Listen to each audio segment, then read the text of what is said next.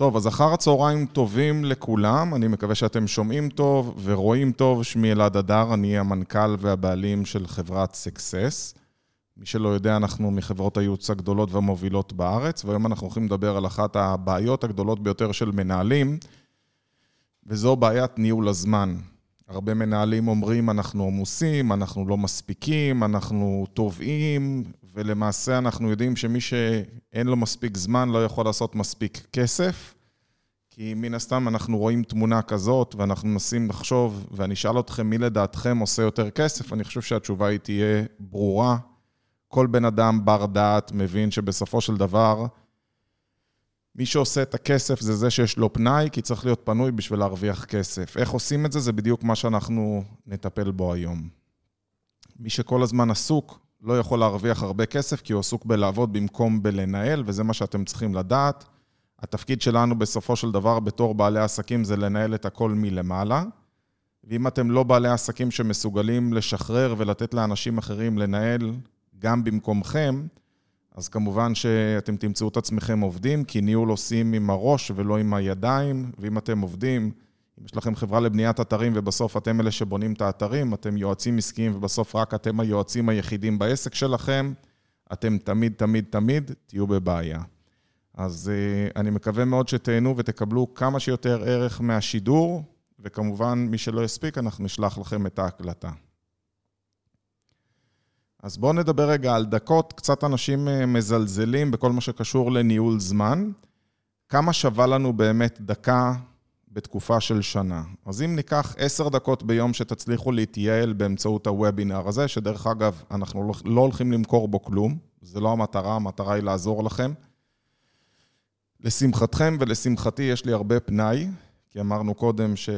איך אומרים, צריך אה, פנאי בשביל לעשות כסף, אז היה לי זמן ואמרתי, בואו נראה איך אנחנו נותנים כמה שיותר ערך לקהילה שלנו, ולכן אנחנו עושים את השידור הזה.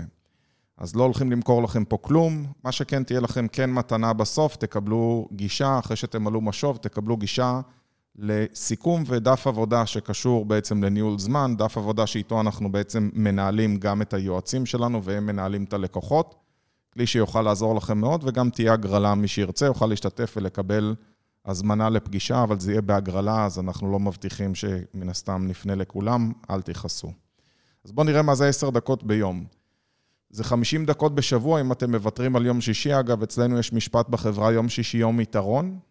אני מאוד מאוד אוהב לעבוד בימי שישי, אל תגלו לאשתי, זה קצת לברוח גם מהבית, לא לקבל מטלות, אבל אני מספיק יותר, אבל ריחמנו לכם וחישבנו את זה לפי 50 דקות לשבוע. זה 215 דקות בחודש, 2,580 דקות בשנה, שבוע עבודה נוסף בכל חודש, בשנה, שבעצם אתם יכולים להחליט עם השבוע הזה שהתפנה לכם, מה אתם רוצים לעשות איתו? יכול להיות שתרצו לצאת לחופשה, כי חסכתם 10 דקות ביום, כי אני אלמד אתכם פה כלי שייעל אתכם, או להספיק לעשות תפוקה במקום 52 שבועות, 53 שבועות בשנה, בלי להוסיף עוד שבוע בשנה.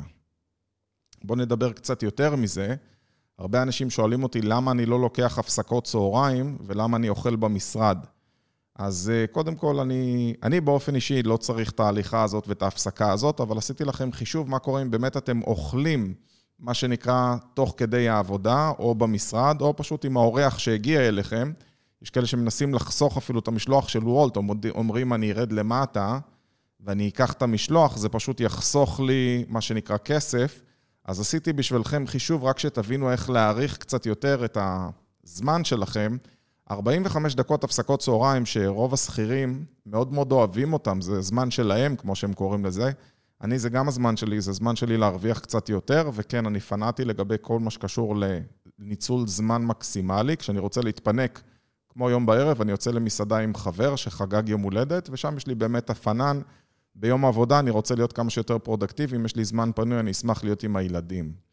אז בואו נבין מה זה המשמעות של 45 דקות. אם זה 45 דקות ביום, זה 225 דקות בשבוע, 967 דקות בחודש, 11,610 דקות בשנה, או בעצם 194 שעות בחודש. למעשה, ארוחת צהריים שאתם עושים 45 דקות ביום, שווה ליותר מחודש עבודה. שמעתם נכון, יותר מחודש עבודה בשנה, זה רק העובדה שאתם עושים הפסקות צהריים בשביל להתפנק. אז אם אתם צריכים את זה, אז תעשו את זה, אם זה מעלה לכם את התפוקה. מצידי תעשו שנץ אם זה מעלה לכם את התפוקה. אני באופן אישי מעדיף להזמין את הלקוחות שבאים אליי לארוחת צהריים, או לעשות את האדמיניסטרציה שלי, או את הזמן לימוד שלי מול המחשב, תוך כדי, אבל זה רק טיפ קטן, אנחנו הולכים להיכנס להמון המון טיפים. מן הסתם, כמה שנספיק, ככל שהזמן יותיר, אנחנו לא הולכים, איך אומרים, לעבור את כל הסדנה, זה חלק מסדנה של יום שלם שנקראת זמן זה כסף. מי שגם ירצה, היא זמינה אצלנו באוניברסיטה. אוניברסיטה זה אתר המנויים שלנו, מי שלא מכיר. אז בואו נקפוץ לזמן זה כסף ונתחיל קצת בכמה שאלות. כמה שווה שעה שלכם?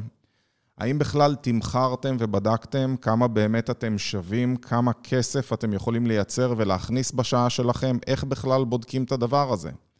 אז אם אתם מתמחרים את עצמכם כמו חמור, ואתם עובדים שעות על גבי שעות כמו חמור, אל תתפלאו שבסוף היום אתם מרגישים כמו חמור, כי בסופו של דבר, אם אתם רוצים להרוויח כסף, אתם צריכים לעבוד כמו מנהלים ולא כמו חמורים.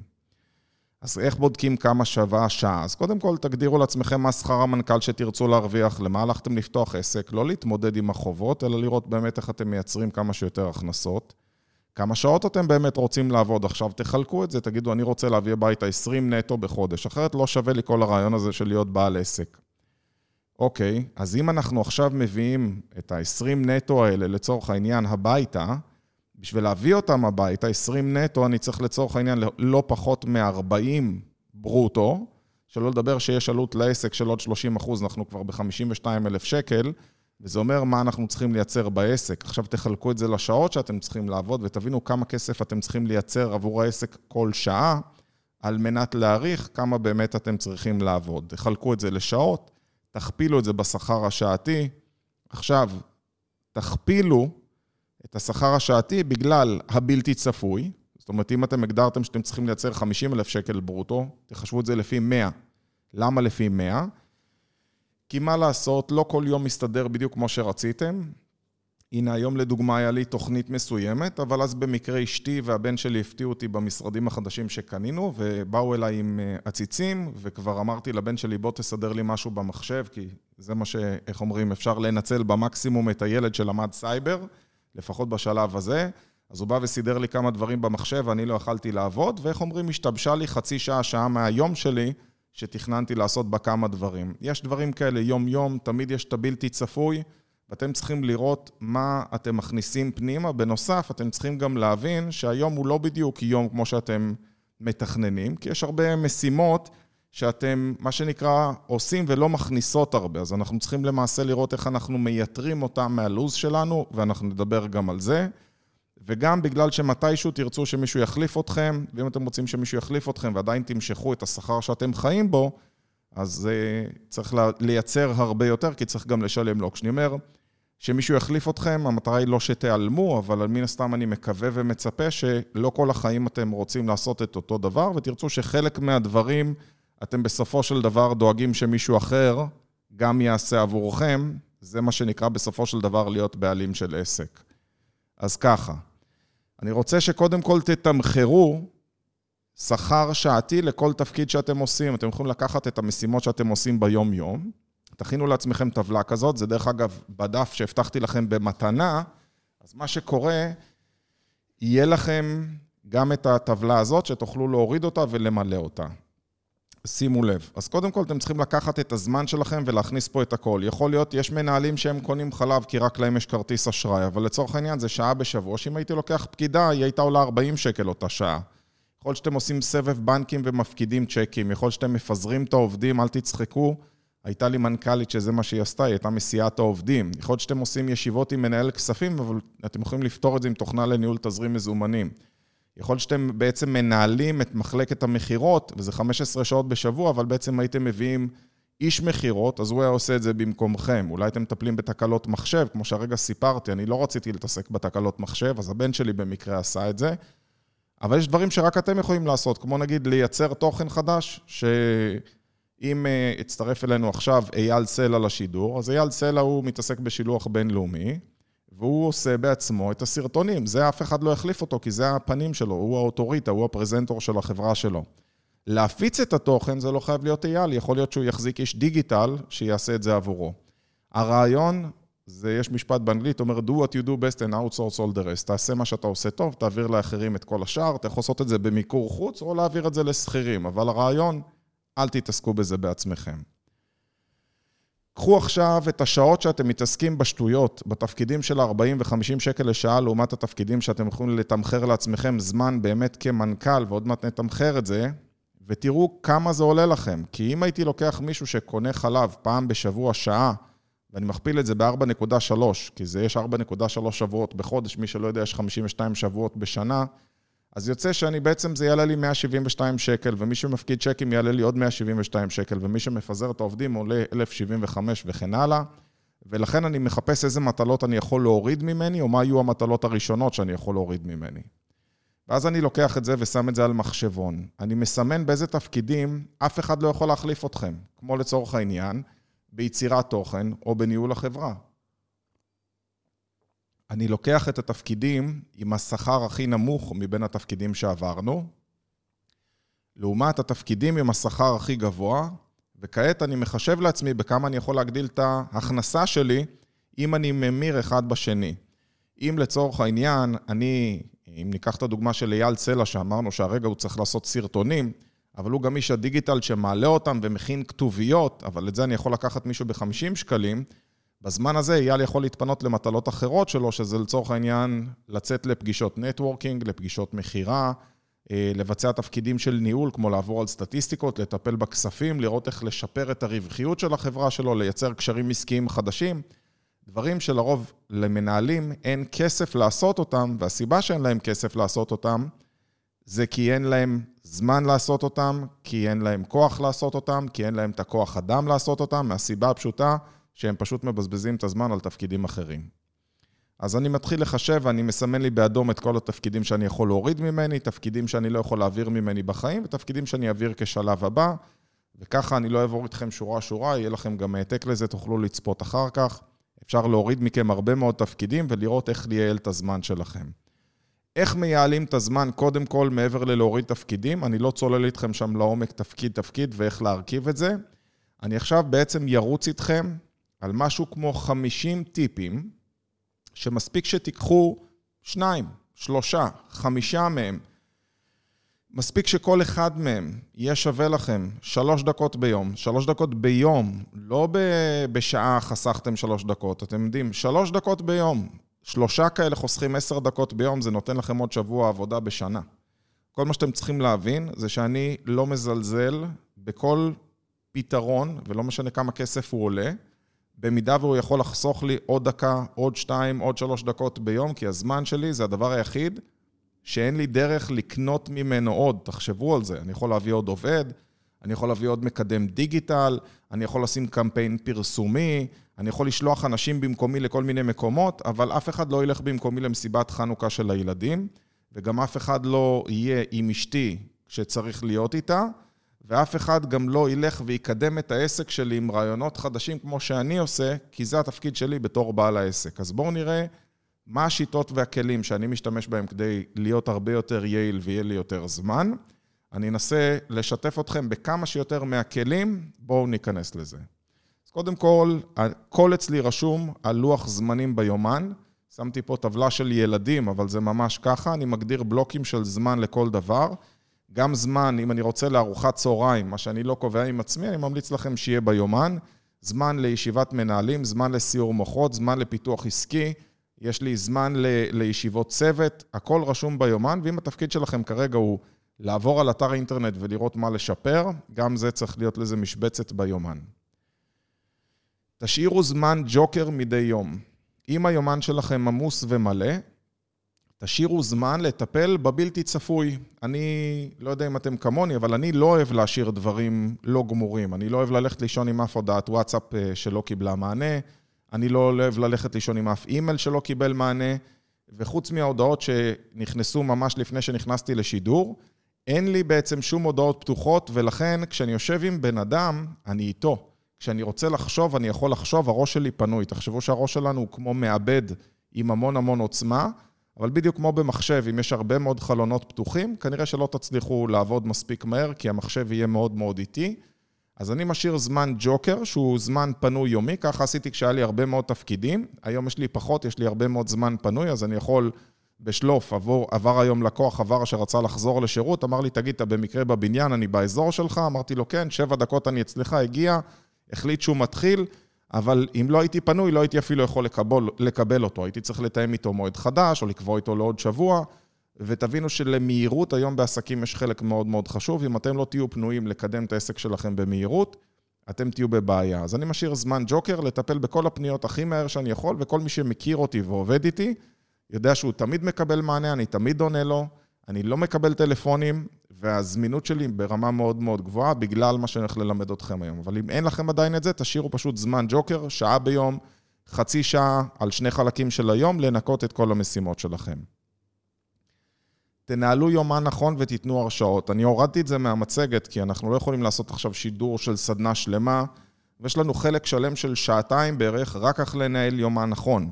החל מלנהל אותו לפי צבעים, כמו הקלסרים שמופיעים מעל הגברת הנחמדה, החל מלתת הרשאות לכולם, להגדיר מדיניות כמה זמן צריכה להיות כל פגישה, החל מלהכניס פנימה זמני נסיעות, ודרך אגב, אצלי במשרד, כל היומנים של כולם גלויים אחד לשני, כי אם אני רוצה לקבוע עכשיו פגישה לאחד היועצים, לאחד המנהלים, אני לא צריך לפנות אליו, לשלוח לו הודעה, אני פשוט נכנס ליומן שלו וקובע לו ביומן. הוא מצד שני כותב ממתי היומן פתוח עד מתי הוא סגור.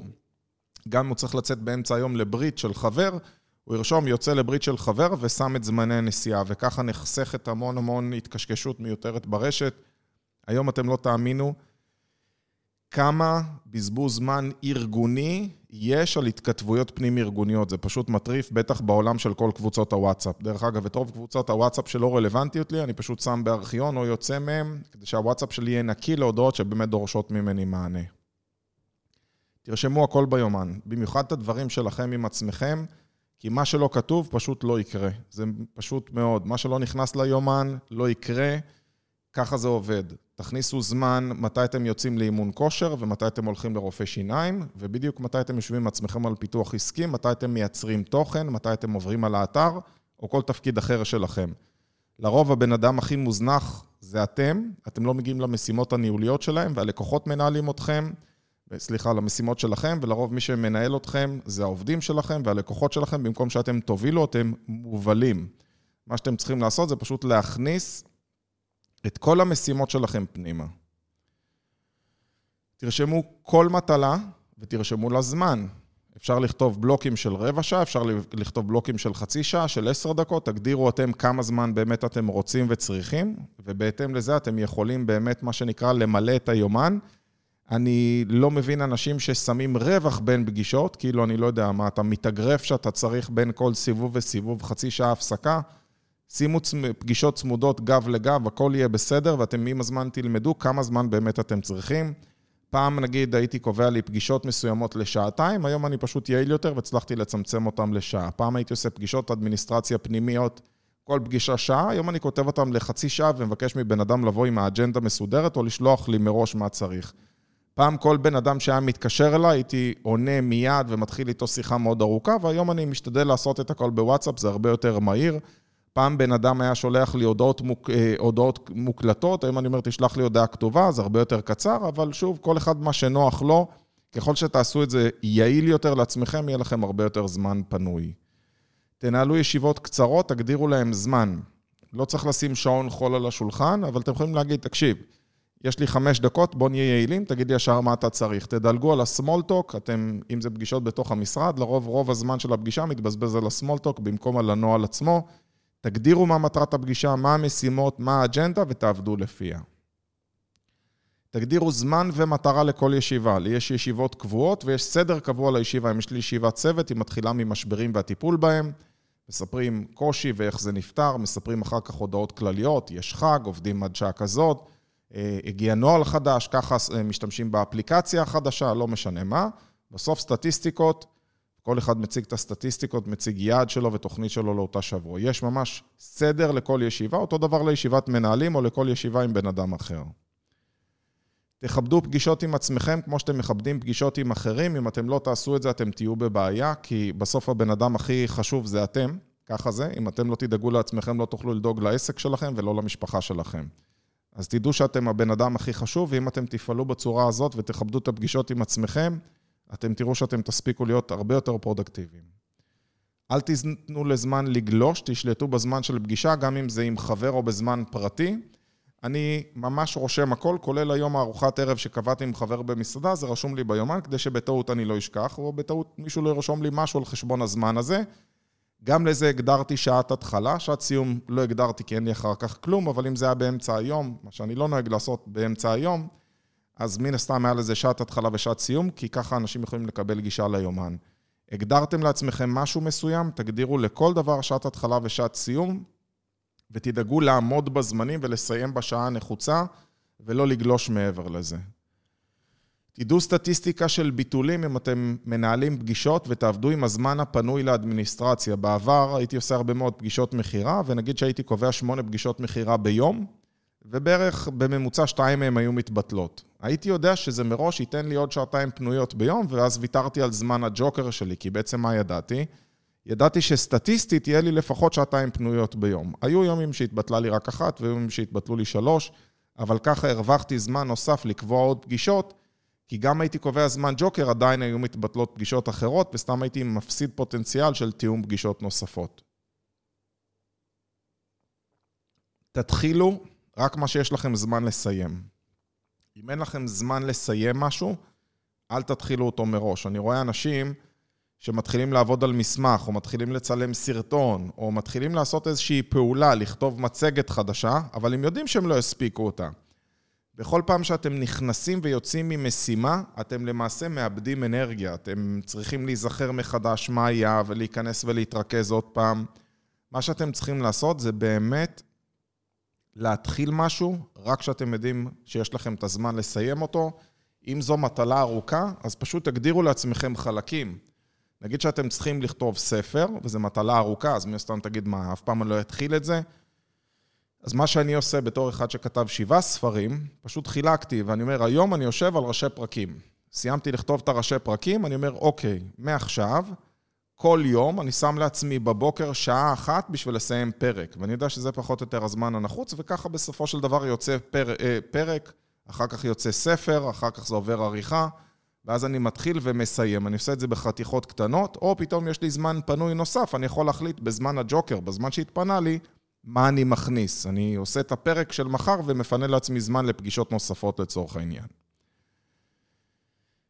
לא לדחות את מה שאפשר להקדים, אני יכול להגיד לכם שזו תופעה מאוד מאוד נפוצה שאנשים אוהבים כל הזמן לדחות, אה, אני לא יודע אם אני אספיק, למה לא היום, למה למחר.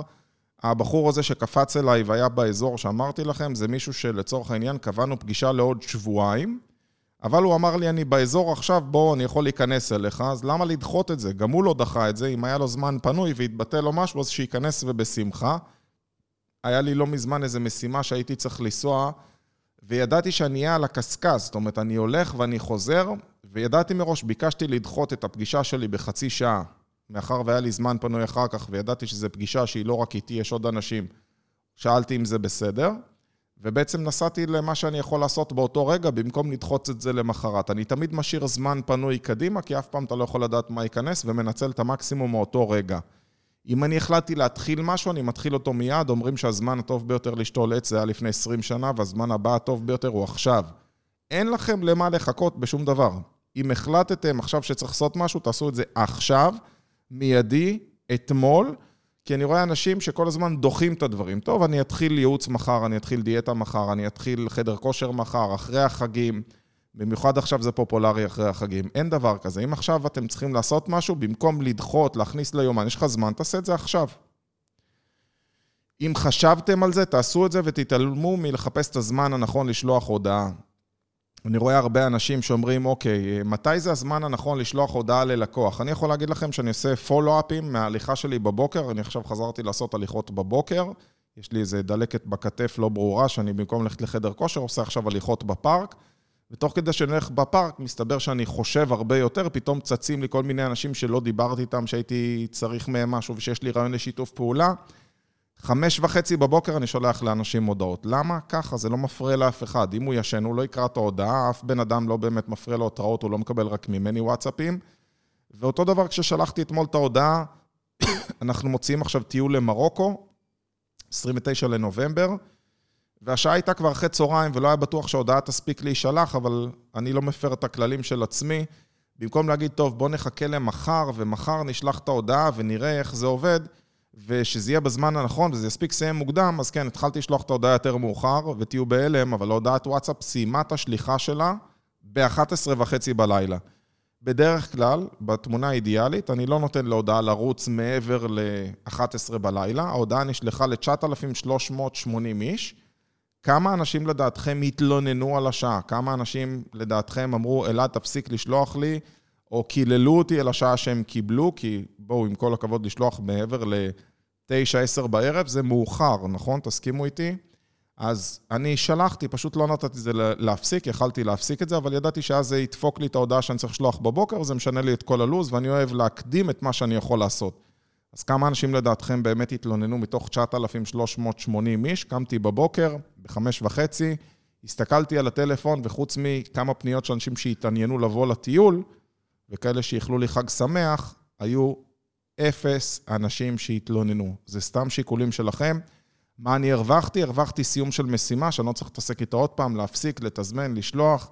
זה לא דפק לי את הסדר יום בהמשך, אתם פשוט יותר מדי עם שיקולים, שיקולים, שיקולים, זה יעליב, זה יפגע, זה לא עכשיו, זה מחר, מחר, אני לא רוצה לראות נלהב מדי, אה, רק פניתי. חבר'ה, תעיפו את כל השיקולים שלכם, פשוט תפעלו. אם חשבתם על זה, מתי הזמן הנכון? עכשיו זה הזמן הנכון. כשאני מוציא הוראות לעובדים שלי, גם אם הם יושבים חדר לידי, אני שולח להם את זה בכתב, בכתב או בהקלטה. רוב התקשורות הפנימיות זה בוואטסאפ, כי ככה אם בן אדם לא הבין, הוא יכול לקרוא כמה פעמים. לעומת זאת, אם קראתי לו לחדר והסברתי לו בעל פה עד שהוא יוצא, הוא עצר בדרך פעמיים וכבר שכח, קיבל שתי הודעות וואטסאפ וכבר התבלבל, או שהוא לא הבין טוב בחדר מה הסברתי לו. אני שולח הכל כתוב, עושה את הכל מדויק, ובגלל זה אני גם יושב בחדר עם מיקרופון על השולחן, רוצה לשלוח הודעה קולית אם זה קצת ארוך ואין לי כוח להקליד, אז אני אקליט את ההודעה כדי שהוא יבין, ואז אני לא צריך להתעסק בזה עוד פעם ועוד פעם. הרעיון בסופו של דבר זה לעבוד בצורה יעילה. תמיד אני מוציא הוראות כתובות, ככה יש לזה היסטוריה, אפשר לחפש את זה. כשאני אומר כתובות, אפשר כתובות או מוקלטות, תלוי באורך של ההודעה. אם יש לי זמן, אני תמיד אכתוב את ההודעה, אחרי זה אפשר לעשות חיפוש, אפשר לערוך, אפשר לחזור אחורה, הרבה יותר נוח. אל תאפשרו אליכם תקשורות בעל פה, אם זה לא משהו דחוף ונחוץ. כמובן, אם בן אדם רוצה לדבר איתי כי קשה לו משהו, לא נעים לו משהו, הוא התאכזב, לא יודע מה, אני כמובן מאפשר תקשורת בעל פה, אבל רוב התקשורות במהלך היום, הן לא באמת תקשורות שמצריכות שמישהו ייכנס אליכם פיזית או שיתקשר אליכם. זה קצת פסיכוטי, כל הקטע הזה של אני רוצה לדבר איתך, רוצה לדבר איתך, מתקשר אליך.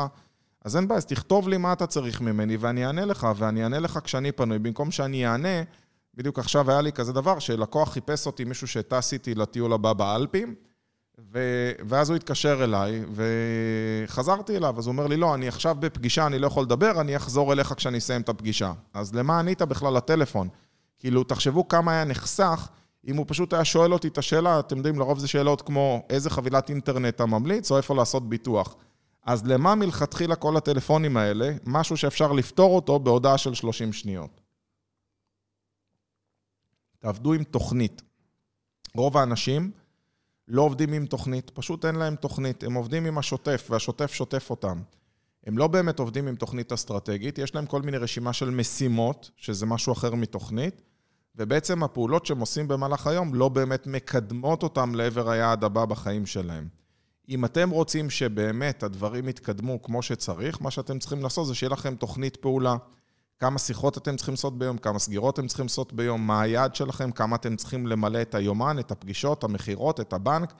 לא אכפת לי מה אתם צריכים לעשות, אבל אם אתם לא תדאגו לעשות את כל הדברים האלה, ביחד עם תוכנית, אתם פשוט קמים לאתמול.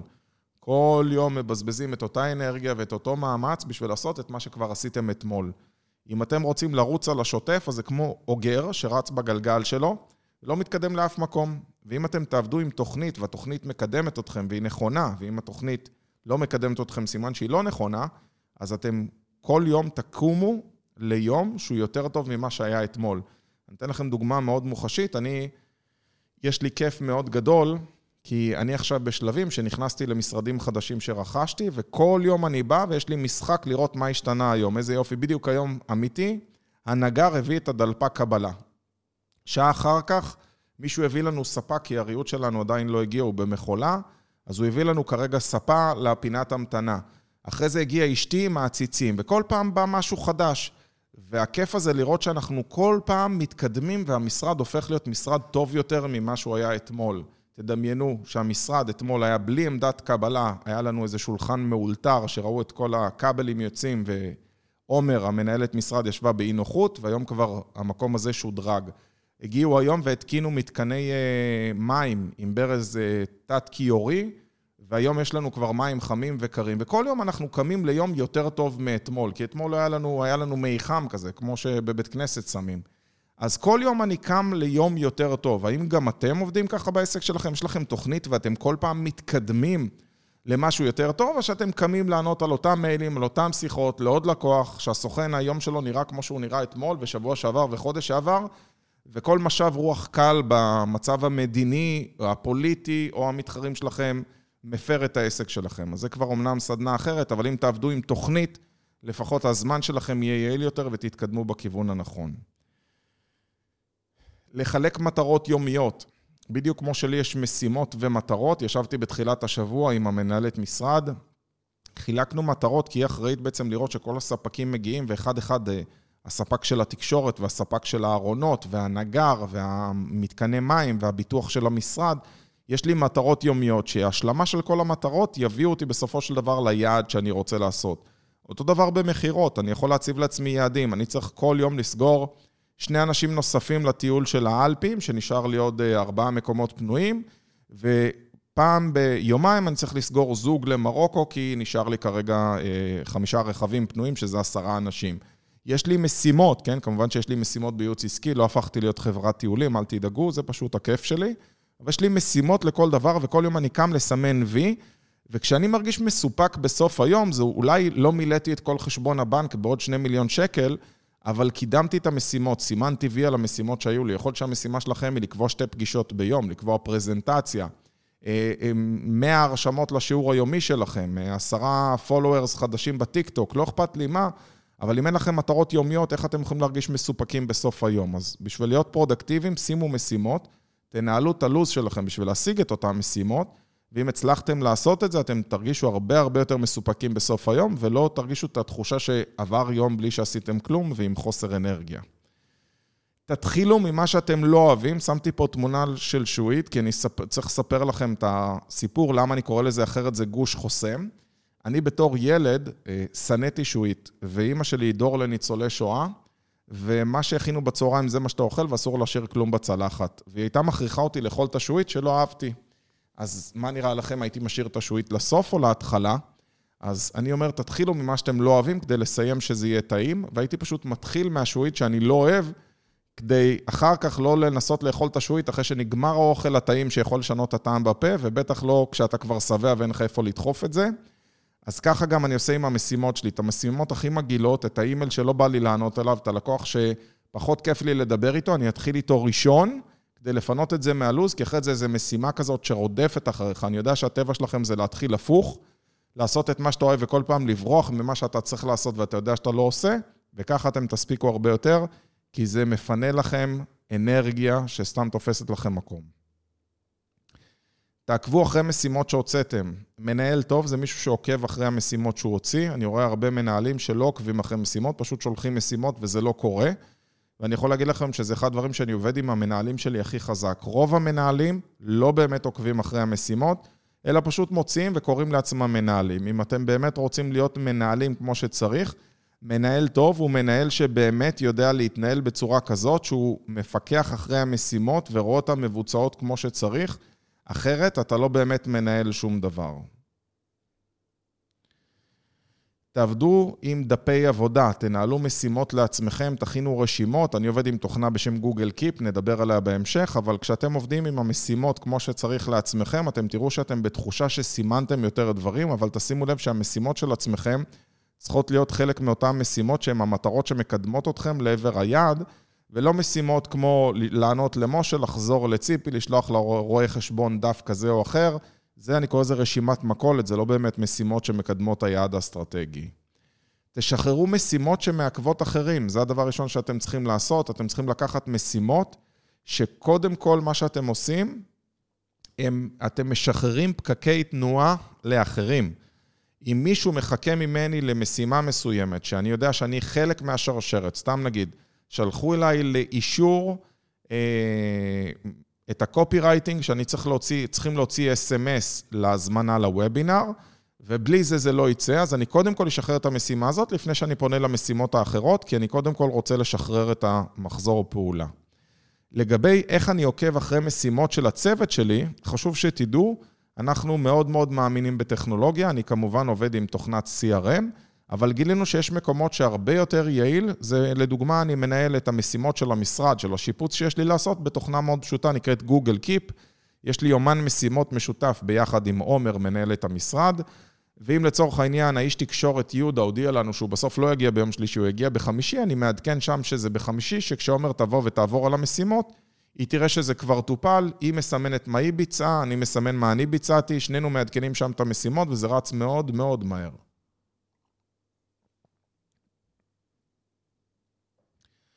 במקום ישיבות, תעבדו עם דוחות יומיים. אני רואה אנשים מבזבזים המון כסף, זה אחת השטויות הכי גדולות שיכולות להיות.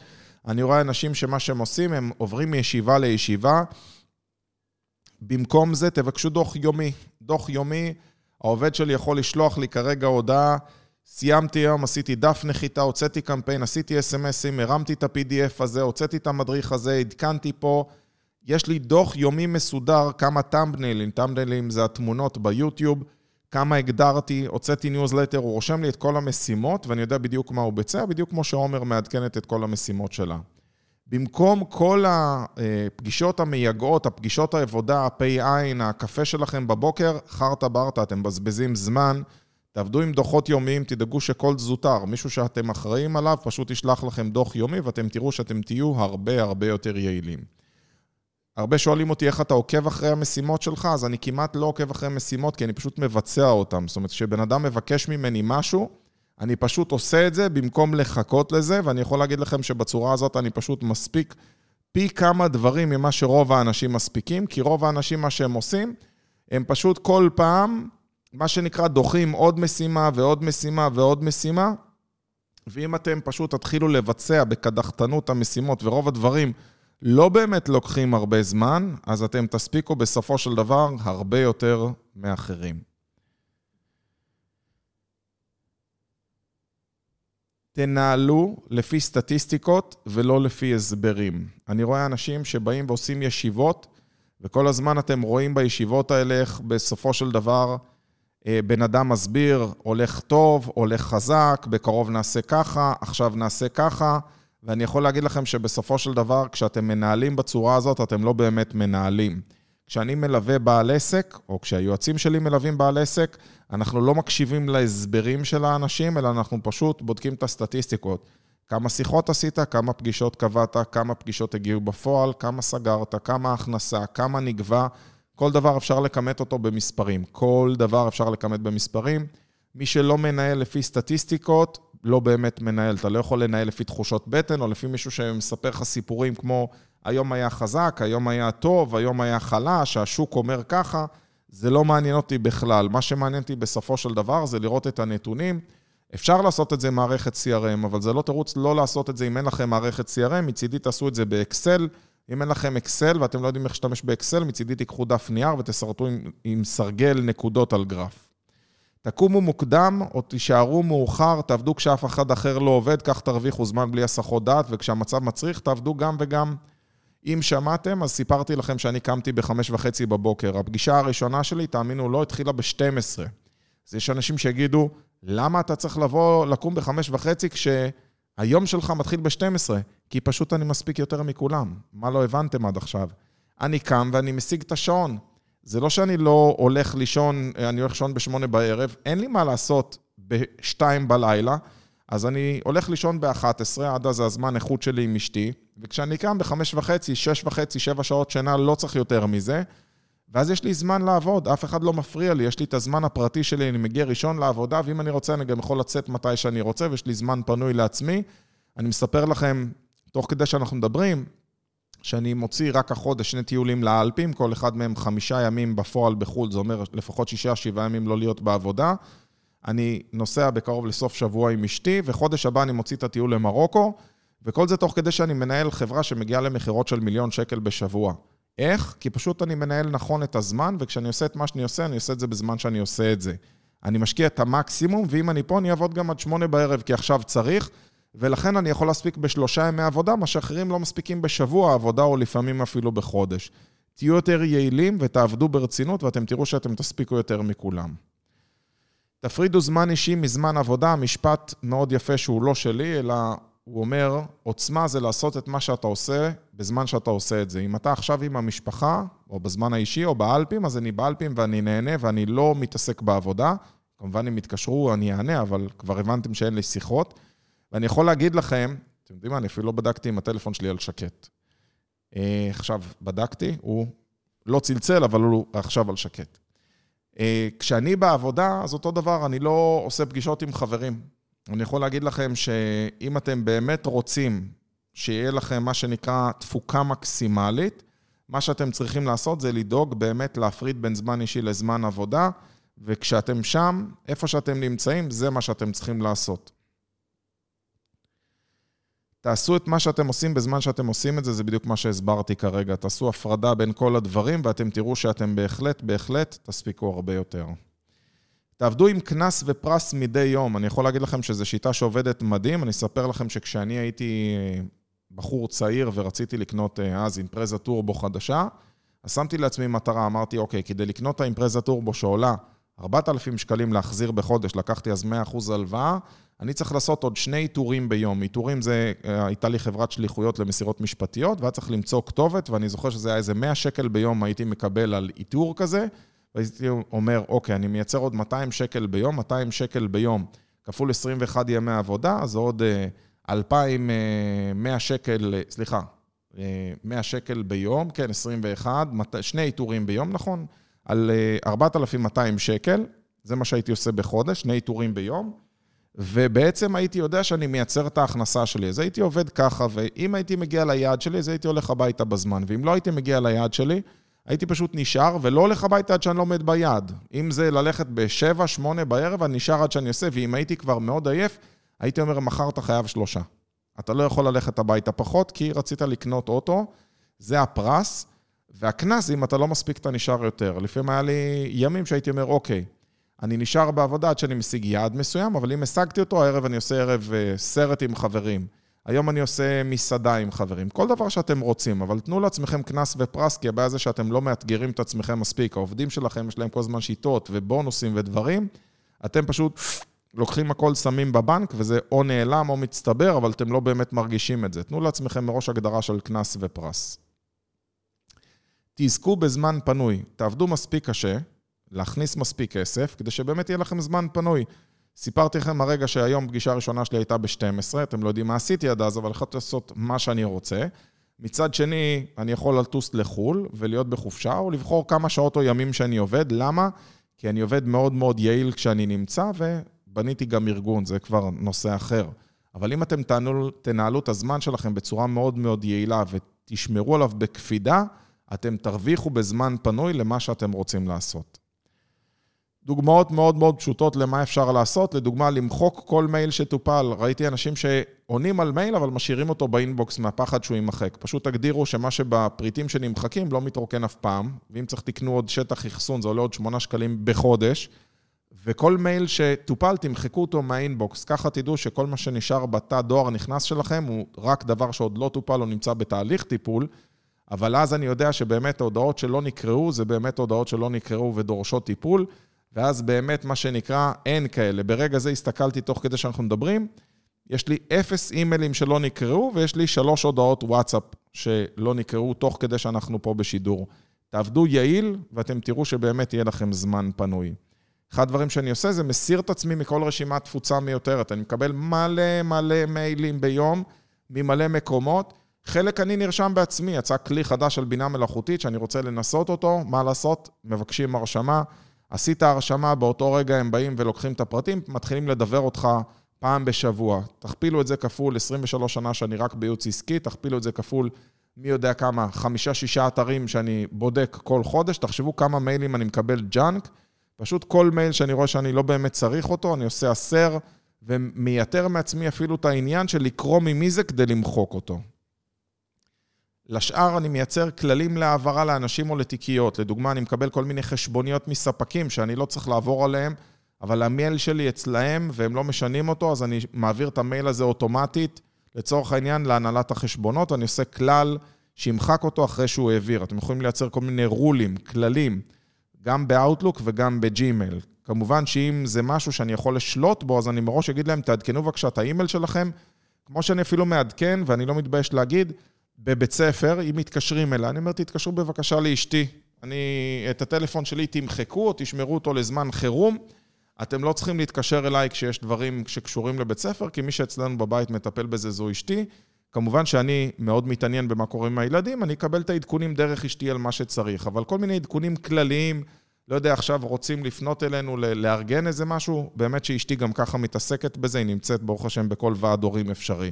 אז בטח לא צריך גם אותי. אחד הדברים המטומטמים ביותר שאני רואה זה אנשים שחוסכים על הכלי העבודה שלהם. אם המחשב שלכם איטי, תחליפו אותו. אם הטלפון שלכם איטי, תחליפו אותו. אין מה להרחיב על זה. אני רואה אנשים שאומרים, אה, הוא עוד טוב, אין דבר כזה. אני לא מחכה שהטלפון שלי יהיה איתי, אני לא מחכה שהמחשב שלי יהיה איתי.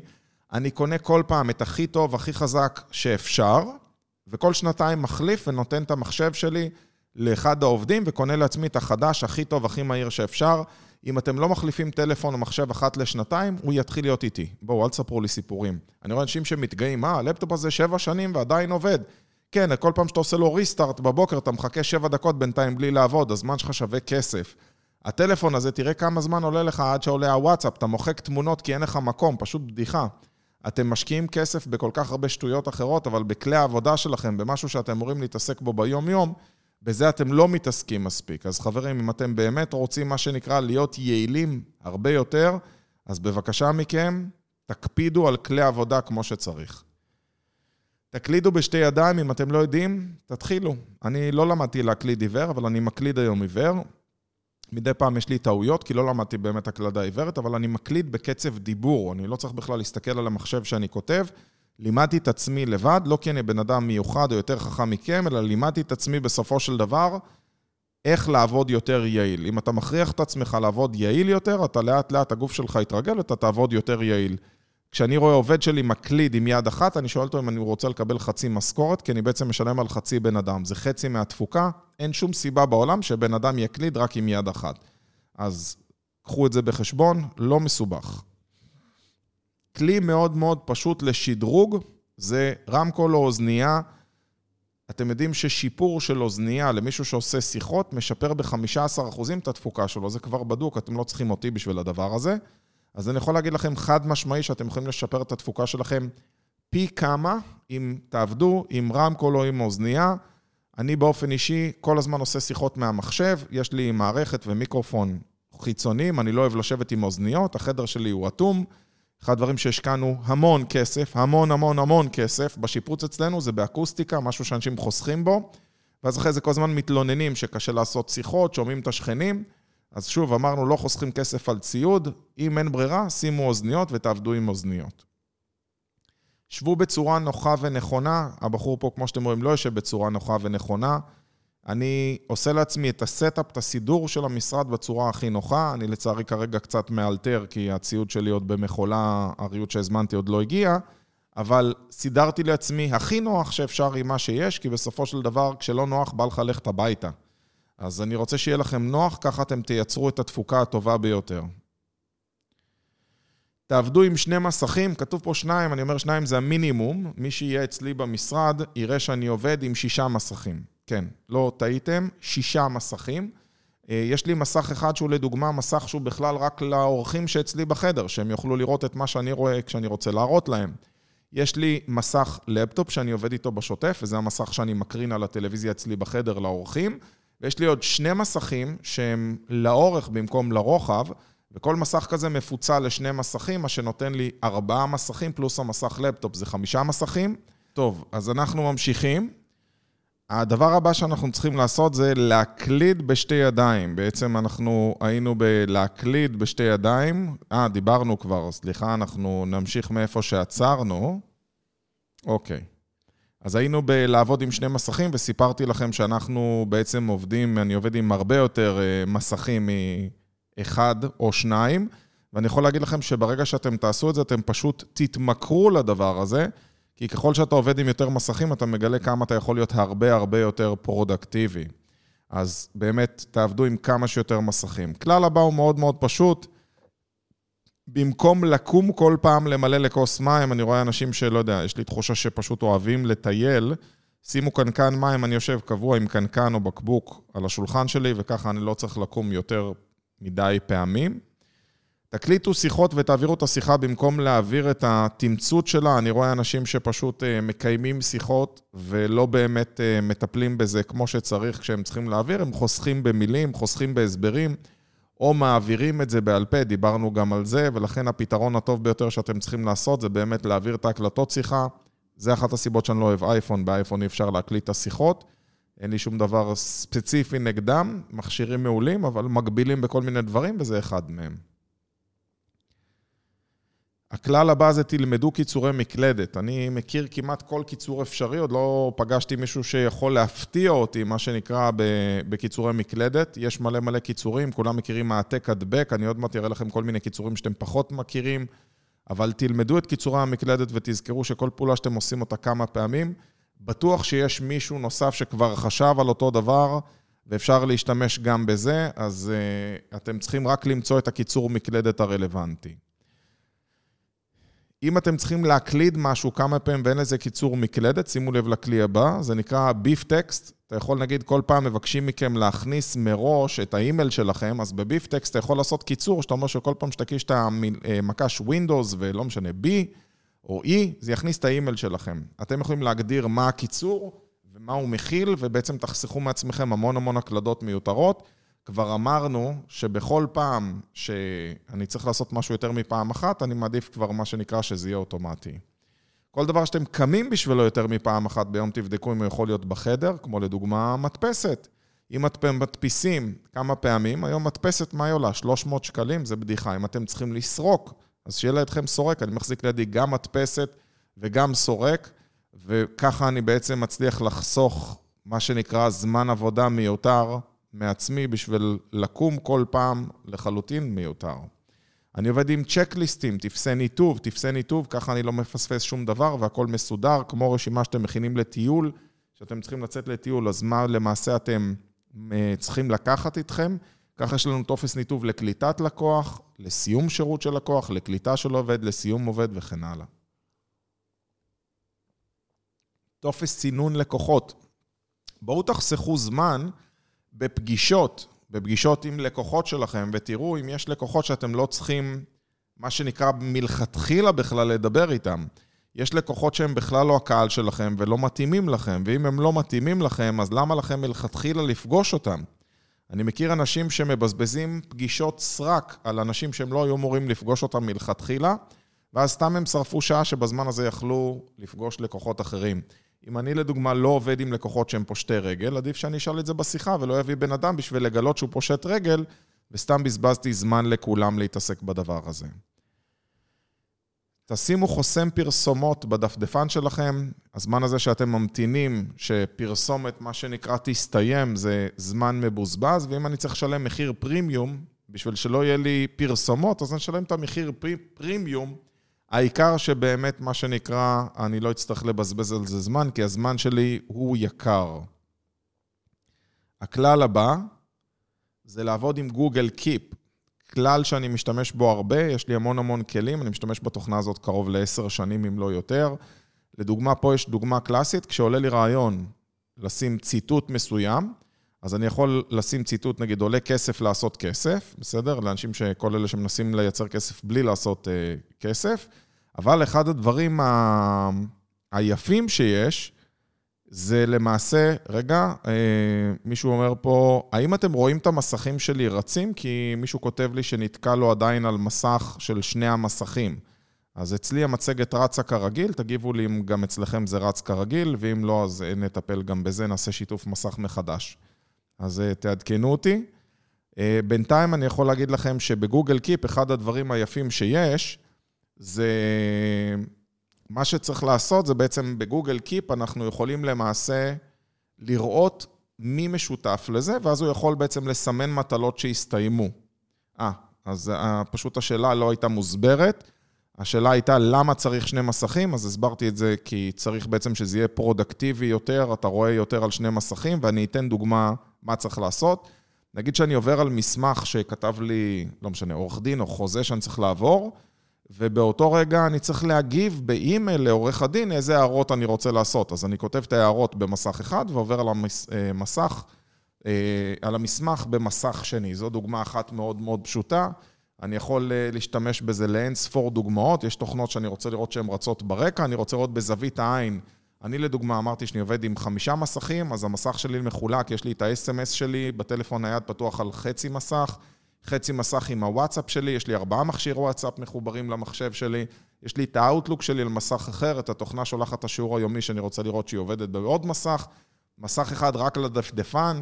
בקיצור, יש לי שטח עבודה יותר גדול, ולכן אני מצליח להספיק הרבה יותר, במקום כל שנייה לדפדף בין המסכים.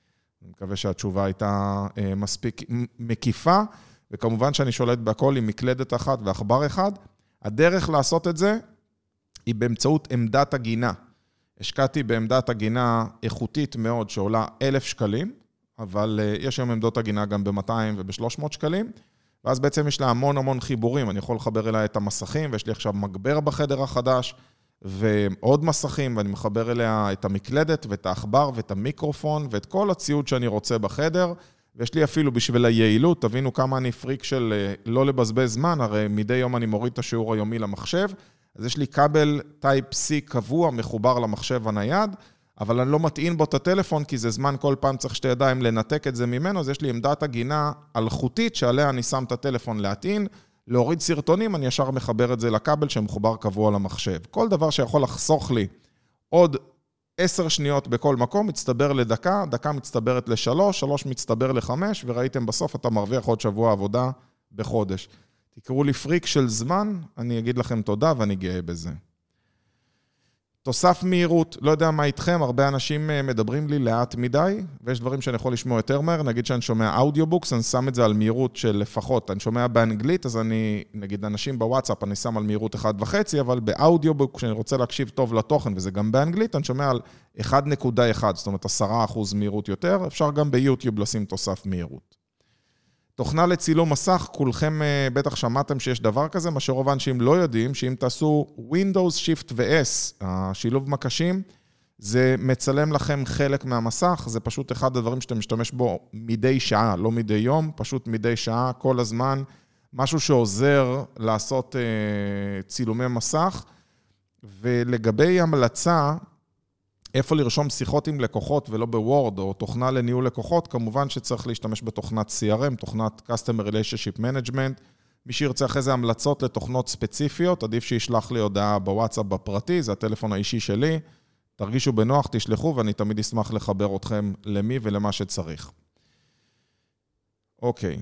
אה, גם כשאני רוצה להסביר למישהו בטלפון איך לעשות משהו, לא פעם אני מסביר ללקוחות שלי איך להשתמש במצלמה יותר טוב, איך לצלם סרטוני וידאו יותר טוב, איך להשתמש באפליקציה לתמלול, או לא יודע, להורים שלי, כשהם רוצים עזרה, אני תמיד אעזור להם. איך אומרים, לימדו אותי ללכת ולאכול עם מזלג, אז ברור שכשהם פונים אליי לשאול משהו בטלפון, אני אסביר להם, זה לא הוגן לא לעשות כזה דבר. רוב האנשים לא יודעים שיש פשוט מובנה, צילום. של הטלפון, אתה יכול להסביר תוך כדי, יש גם תוכנות שעושות את זה, וככה אני שולח הדרכות. LastPass, יש לי תוכנה לשמירת סיסמאות, זה גם מסתנכרן עם הטלפון, ככה אני לא צריך לזכור שום סיסמה, היא מייצרת סיסמאות, זה כמובן מאוד מאוד מאובטח. אני משתמש בתוכנה בשם Adobe Fill and Sign, שזו תוכנה שבעצם אתם יכולים למלא מסמכים מהטלפון. אני קניתי את הסמסונג אולטרה שיש לו גם עט, ככה שאני באמת יכול למלא ולחתום. תוך כדי, ואז אין לי שום בעיה של מה שנקרא בזבוז זמן לחפש מדפסת, לחפש סורק. שוב, הכל, אני מחפש איך אני עושה יותר יעיל, איך אני עושה יותר מהיר. והתוכנה הזאת, גם אם לא שלחו לכם מסמך דיגיטלי לחתימה, כמובן שזה מה שעוזר לכם בסופו של דבר לעשות את זה בצורה כזאת, שאתם יכולים למלא את זה בלי הצורך בהדפסות מיותרות. התממשקות של הטלפון למחשב, אמרתי לכם בעצמי לפני רגע שאני שם על המסך שלי גם את הטלפון ואני רואה את הוואטסאפים שאני מקבל ואני רואה את ה-SMSים שאני מקבל, הכל אצלי מחובר, אין טעם לגעת בטלפון שאתה מחובר למחשב. יש היום חיבור של מייקרוסופט לקשר את הטלפון למחשב, ושם אני רואה את כל ה-SMSים, אפילו אפשר לגשת לתמונות, לצערי סרטונים עוד אי אפשר להוריד, ולכן אני משתמש בכבל Type-C, לתוכנה נקראת Your Phone, מאוד פשוט. צ'אטבוטים, תוסיפו איפה שאפשר, אני אגלה לכם סוד, זו חשיפה ראשונה. אני כרגע עובד גם על אה, בינה מלאכותית, ייעוץ עסקי בבינה מלאכותית. שכרתי, אחרי ששיתוף פעולה בין מייקרוסופט, הייתי בקשר עם גוגל ועם מייקרוסופט על רעיון החדש שיש לי, והם מאוד תמכו בזה וקישרו אותי עם תוכניתנים שלהם. בסוף הלכתי עם מייקרוסופט, וכרגע אני מפתח בוט בינה מלאכותית לייעוץ עסקי, ובעתיד אתם תהיו הראשונים לקבל, פשוט תמשיכו לעקוב. קליבורדים במחשב. אז אני משאיר לעצמי, כמו שיש Ctrl-C, Ctrl-V, אז מה שאנשים לא יודעים זה יש Windows V, Windows V זה, אתה עושה העתק ואז אתה עושה Windows V ואני יכול לנעוץ, לדוגמה, חבר'ה לא לחנות בחניות שהן לא שלנו, הנה החניות או הנה הכתובת. אמ, סתם אתן לכם דוגמה למשהו שחסכתי זמן. כל פעם היו אומרים, רגע, איפה הכניסה לחניון לבניין? בוא נגיד, לא 50, 30 אחוז מהאנשים שהיו מגיעים אליי לפגישה, היו בטעות מגיעים לחניון ספקים. אז מה שעשיתי בשביל לחסוך זה פשוט עמדתי בדיוק איפה שהכניסה לחניון, נעצתי את הקישור בגוגל, ראיתי מה הקישור במפות, ובעצם אני מנווט את הבן אדם ספציפית לכניסה הנכונה לחנייה, במקום שנצטרך, מה שנקרא, להסביר לו כל פעם מה החנייה הנכונה. אם זה לא היה מספיק, גם הייתי שם תמונה. אני הכל רושם לעצמי בקליפבורדים, ואז אני פשוט שולח לבן אדם, כרגע, מה אני רוצה, מה הקישור לחנייה, מה הפרטים על האלפים או כל דבר אחר. אם בן אדם, אתם רואים, אם השיעור עבר אליך מחבר, נא להירשם כאן, זה משהו שאני מצרף אותו יום-יום בתיאור כשאני מעלה סרטון ליוטיוב או לפייסבוק. שוב, אם יש לי לכתוב טקסט כמה פעמים, אני כבר שומר אותו בקליבורד. אותו דבר בטלפון, אני שומר לעצמי, גם ב... אני לא בטוח שבאייפון אפשר לעשות את זה, אני זוכר שהתלוננו שלא היה את זה באייפון, עוד סיבה למה להיות באנדרואיד, בעיה שלכם, יש לכם אייפון, סורי. אבל באנדרואיד גם יש קליבורד ואני משתמש בו המון, חוסך המון זמן, מקצר דברים. במקום לעשות סלאש ולהתחיל לחפש את התשובה המתאימה, אני פה יכול לשים לעצמי מלא מלא אפשרויות.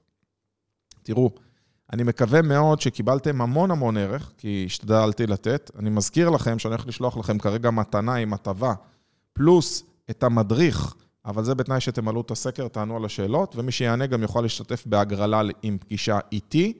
אני מקווה מאוד שנהנתם, נראה אם אני אצליח אפילו לחבר את המצלמה, שתראו אותי ככה לפני הסוף. שאני יכול להגיד לכם שלום כמו שצריך. בואו נראה אם ה... הנה. אז הנה אתם רואים אותי. ואני יכול להגיד לכם שאני מאוד מאוד נהניתי איתכם, אני מקווה מאוד שאתם גם נהניתם, היה ממש כיף. קחו את הכלים האלה, תראו מה אתם יכולים ליישם בצורה הטובה ביותר. הרעיון זה לראות איך אתם מגלחים כל פעם עוד כמה דקות מפה או משם או מכל מקום שאתם יכולים לעשות, כי בסופו של דבר, זוכרים מה אמרנו, שלוש דקות, ארבע דקות, חמש דקות, כל הדברים האלה יעזרו לכם פשוט לשפר את היעילות שלכם פי כמה. אל תצאו מהקבוצה, אני הולך לשלוח לכם כרגע בקבוצה את הסקר, תמלאו את הסקר, תוכלו לקבל את המדריך של ניהול זמן, זה יעביר אתכם ישר לקישור לניהול של המדריך. תודה רבה לכל האנשים שכותבים תודה, כיף אה, לקרוא, ותרגישו חופשי להגיד לי במה הייתם רוצים לא פה, תשלחו לי בהודעה פרטית על מה הייתם רוצים את הוובינר הבא, היה לי כיף איתכם, ואני אשמח לעשות איתכם עוד כאלה. בקרוב אני גם אשלח לכם את ההקלטה של השידור. אז שיהיה לכם אחלה חג, נתראה בסוכה, או באלפים, או במרוקו. תודה רבה, ולהתראות. ביי ביי.